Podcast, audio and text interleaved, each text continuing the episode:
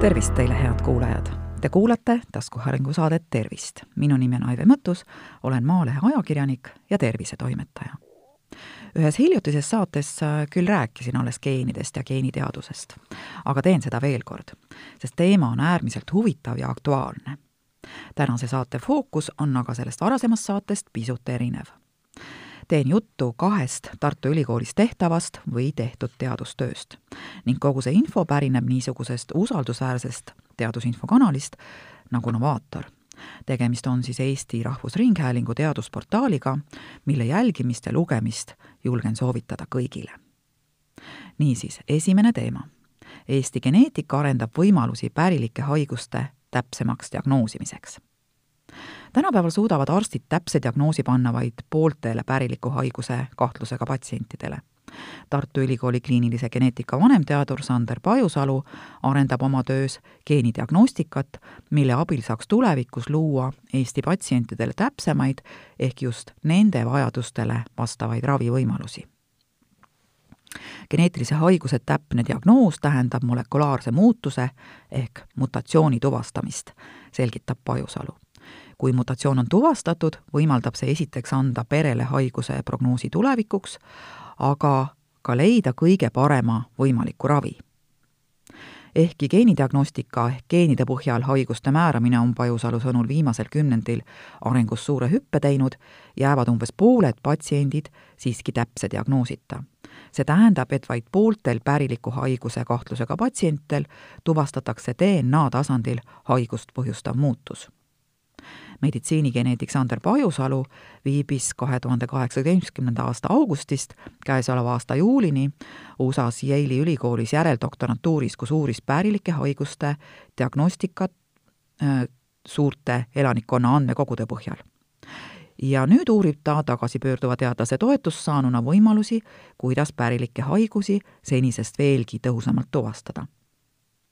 seletamaks, kuidas toimib diagnostikas kasutatav eksoomi sekveneerimine tasub alustada hoopis genoomi mõistest. genoomina mõeldakse lihtsustatult kogu meie pärilikkusainet, mis on peaaegu kõigis meie keha rakkudes ja jaotunud kahekümne kolme kromosoomi paari vahel. genoom koosneb aga enam kui kahekümnest tuhandest geenist, mis osalevad organismi ehitust ja talitust määravate valkude loomisel minnes veel täpne, täpsemaks, koosnevad geenid omakorda eksonitest ja intronitest. Neist esimesed on siis just need, mis endas valkude koostist määravat DNA järjestust kannavad. kõik inimgeenide eksonid kokku moodustavadki eksoomi. ehkki eksoom moodustab genoomist vaid üks koma viis protsenti, on see Sander Pajusalu sõnul organismi talituse mõttes genoomi kõige tähtsam osa ühest küljest pannakse eksoomis kokku inimkeha valgud, teisest küljest leiab just sealt kaheksakümmend viis protsenti haigust põhjutav, põhjustavatest geenimuutustest. teaduses veelgi enam siis kliinilises meditsiinis tuleb aga mõelda efektiivse raha kasutamise peale, märgib geneetik.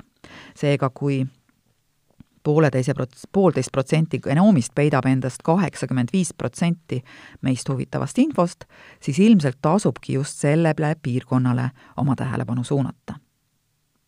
analüüsimaks pärilikke haigusi, saab Pajusõnu sõnul tänapäeval sekveneerida, ehk siis eesti keeli öeldes järjestada, kõik DNA nukleotiidid ehk nii-öelda DNA ehituskivid kogu eksoomi sekveneerimise abil saavad teadlased seega ühe analüüsiga uurida kõike, kõiki geene korraga. see on aga väga tähtis, sest tihti ei ole võimalik patsiendi kliiniliste sümptomite alusel täpselt öelda, millist konkreetset geeni tuleb uurida, et leida diagnoos kuna eksoomi sekveneerimine ei tuvasta kõiki DNA muutusi, kasutatakse haiguste diagnoosimisel veel mikrokiibi uuringuid ehkki viimase abil leiab äh, sekveneerimisega võrreldes hõlpsamini üles suure, suured DNA muutused nagu lõikude kadu või liiasus, jäävad mikrokiibi uuringutes märkamatuks pisemad geenimuutused. kõigele krooniks on mõlemad meetodid Sander Pajusalu sõnul väga kallid. sestap püüabki ta oma töös liikuda eksoomi sekveneerimisest veidi edasi, et diagnoosida haigusi senisest tõsu, tõhusamalt. keskendun peamiselt kahele uuringumetoodikale.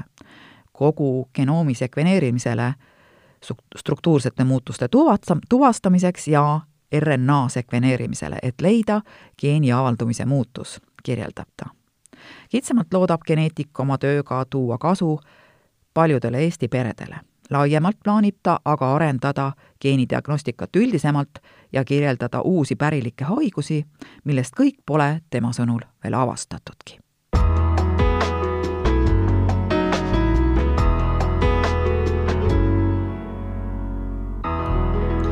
nüüd aga olukorrast Eestis. Sander Pajusalu hinnangul ei eristu Eesti oma pärilike haiguste esinemuse poolest ülejäänud Euroopast kuigivõrd. Mõned haigused, nagu näiteks pärilik kuulmislangus, on Eestis pisut sagedasemad ja teised, nagu näiteks süstiline fibroos, mis on siis hingamisteede ja seedekulglahaigus, pisut harvemad, kui võrrelda Euroopa keskmisega. laias laastus on sagedused siiski sarnased Eestis ei ole väga sagedasi raskeid geneetilisi haigusi, nagu näiteks on mõnel Vahemeremaal pärilikud verehaigused talasseemiad. üleüldse on pärilikke haigusi teada umbes seitse tuhat ning keskmiselt esineb neid viiel kuni kümnel protsendil elanikkonnast. osa haigusi avaldub Pajusalu sõnul nii kergelt, et jääb sageli diagnoosimata, teisi on aga normaalse eluga sobitada keeruline mõnel juhul on päriliku haiguse ja normi variandi piir hägune. näiteks peetakse laktoositalumatust Põhja-Euroopas pigem haiguseks, samas kui mujal maailmas ei talugi suurem osa elanikkonnast täiskasvanuna laktoosi. Teise näitena toob Pajusalu umbes kaheksat protsenti mehi kimbutama päriliku värvipimeduse. ega need mehed selle tõttu veel ennast väga haigena ei tunne, et punaseid maasikaid on raske roheliste lehtede vahelt üles leida, märgib ta. samas on Pajusalu sõnul üha enam pärilikke haigusi ravitavad kas täppisravimitega või geeniteraapiaga. Geeniteraapia areng on muidugi alles algusjärgus, aga esimesed ravivormid on siiski juba turul, selgitab uurija. mis tahes geeniteraapia hakkab aga tööle vaid siis, kui patsient on saanud täpse diagnoosi. ja kõik raske geneetilise haigusega patsiendid väärivad täpset diagnoosi ning seda võimalikult kiiresti. pered vajavad täpset diagnoosi ka kordusriskide pärast erinevad geneetilised haigused on erineva pärilikustüübiga, mistap võimaldab ainult täpne diagnoos öelda, kui suur risk on haiguse kordumiseks perekonnas. samuti on paljudel juhtudel võimalik teha sünnieelset diagnostikat, et haiguse kordumist vältida. näen, et minu roll antud teadusprojekti raames ja ka oma kliinilises arstitöös on veel geenidiagnostika arendamine, kuid kindlasti on kaugem eesmärk siiski spetsiifiliste ravivõimaluste loomine Eesti patsientidele, tõgeb Sander Pajusalu.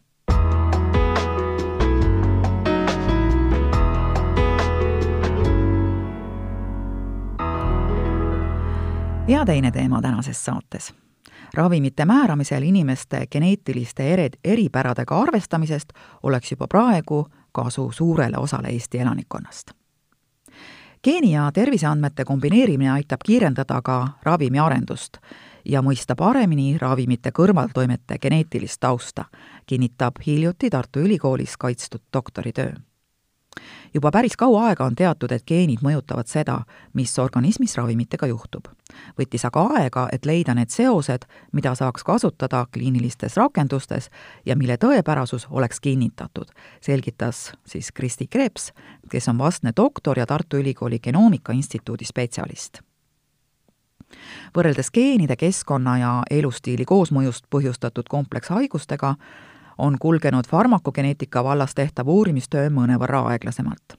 hakatuseks tuleb laiemasse kasutusse jõudnud ravimite puhul äh, tõsisemaid kõrvaltoimeid, toimeid ette võrdlemisi harva. kuid nende ilmnemisel pole samas sugugi kindel, et need lähevad kõik kirja patsiendi terviseandmetesse. suur osa jääb paberimajanduse tõttu registreerimata siinkohal on Eesti Tervise Infosüsteem vaatamata oma puudustele maailmas siiski esirinnas kui mitmel pool mujal on need andmed killustunud mööda kindlustusseltside piire ja andmebaase, siis Eestis on terviseandmed koondatud kokku ühte kohta. geenivaramu doonorite põhjal tehtud järelduste paikapidavuse kontrollimiseks oli Kreepsil ja tema kolleegidel võimalus teha koostööd Inglismaal ja USA-s asuvate biopankadega ja geenideste pakkuva ettevõttega kakskümmend kolm and me millel on andnud miljonid inimesed loa oma andmete kasutamiseks teadusuuringuteks. doktoritöö raames näitlikustas Krebs inimeste geeniandmete ja biopangas leiduvate andmete kombineerimisel tekkivaid võimalusi kolmel erineval viisil. midagi uut saab sel viisil õppida isegi laialt kasutatavate ravimite kohta penitsiiniini allergiat näiteks esineb väga sageli, kuid geneetiline mehhanism, mille tõttu immuunvastus tekib, on jäänud ebaselgeks, tõdes Kristi Kreeps. ja tal õnnestus seostada penitsiliini allergia ühe kindla koe sobivuse antigeeni alleeliga. seda kandvatel inimestel esines penitsiliini allergiat sagedamini uurimisainet aga jagub, sest täpsustada tuleks konkreetsete penitsiliinipõhiste ravimite ja immuunreaktsioonide vahelist seost, et luua senisest paremaid ravijuhiseid. tegelikult on ikka veel väga palju avastada. on ka väga palju ravimeid, mille toimemehhanism pole tegelikult päris täpselt teada, sõnas Krebs.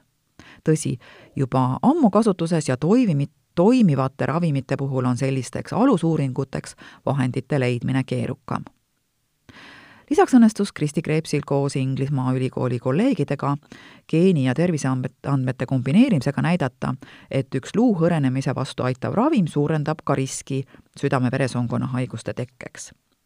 Edaspidi võiks taolised ohtlikud ja potentsiaalselt eluiga lühendavad kõrvaltoimed välja tulla juba enne kliiniliste uuringute algust varasemalt on näidatud, et ravimid, mille puhul geneetilised analüüsid toetavad ravimi sihtmärki, jõuavad turule kaks korda edukamalt. mündi teise küljena võib osaleda sama ravimi sihtmärk valk organismis mitmetes erinevates protsessides. nõnda saaks kasutada juba turule jõudnud ravimeid ka teiste hädade leevendamiseks kuna ravimi toimeainete ohutuses on juba veendutud, võtaks nende heakskiitmine riiklike terviseametite poolt vähem aega näiteks ülegenoomse geeni analüüsiga näidati, et komplemendifaktori geen on tugevalt seotud kollatähni kärbumise suurema riskiga. samal ajal olid juba kasutuses komplemendi inhibiitorid muude haiguste puhul. sealt algasid ka uuringud, et kas samu komplemendi inhibiitoreid saaks ka kollatähni kärbumise raviks kasutada, tõi Kreeps näite. Täiendavad kasuliku mõju tõestamiseks tarvilikud katsed on parasjagu käimas viimaks uuris Kristi Kreeps kolleegidega, kui sageli saaks kasutada praeguseks teadaolevaid ravimite ja geenide vahelisi seoseid nende Eesti inimeste ravimiseks, kelle genoom on järjestatud juba täielikult või osaliselt. ei pea kindlasti kartma, et inimesi ravitakse praegu valesti.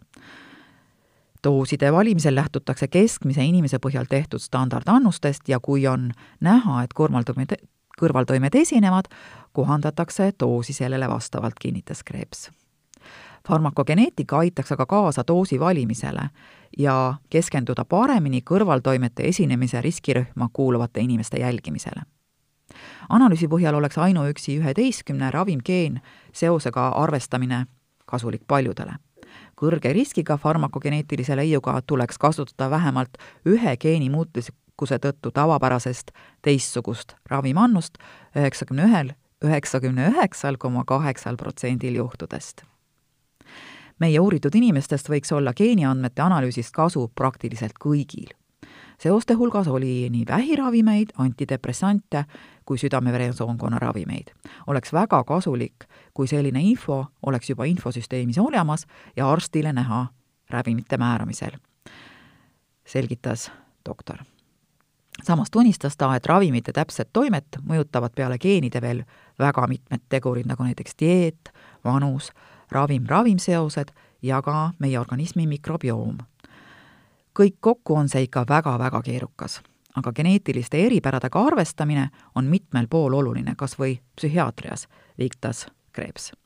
ja tõi kurioossena näite naisest, kes pidi enne toimiva ravimini jõudmist proovima läbi neliteist erinevat antidepressanti. tema geneetilise taustaga arvestades oleks võidud jõuda hästi toimiva ravimini oluliselt vähemate katsetega. niisiis, head kuulajad, lugege Eesti Rahvusringhäälingu teadusportaali Novaator ja te olete hästi kursis värske infoga selle kohta, mida Eesti teadlased terviseteaduse rindel korda saadavad. Head kuulajad, te kuulasite taskuhäälingu saadet Tervist. saate leiate Delfi podcastide pesas tasku, nutirakenduste Spotify, Apple Podcasts, SoundCloud ja teised. hakake jälgijaks ja kuulake just teile sobival ajal ettepanekuid teemade kohta, mida saates käsitleda, ootan teilt e-posti teel aadressil tervist.maaleht.ee. minu nimi on Aive Mõttus, olen Maalehe ajakirjanik ja tervisetoimetaja. tervist teile!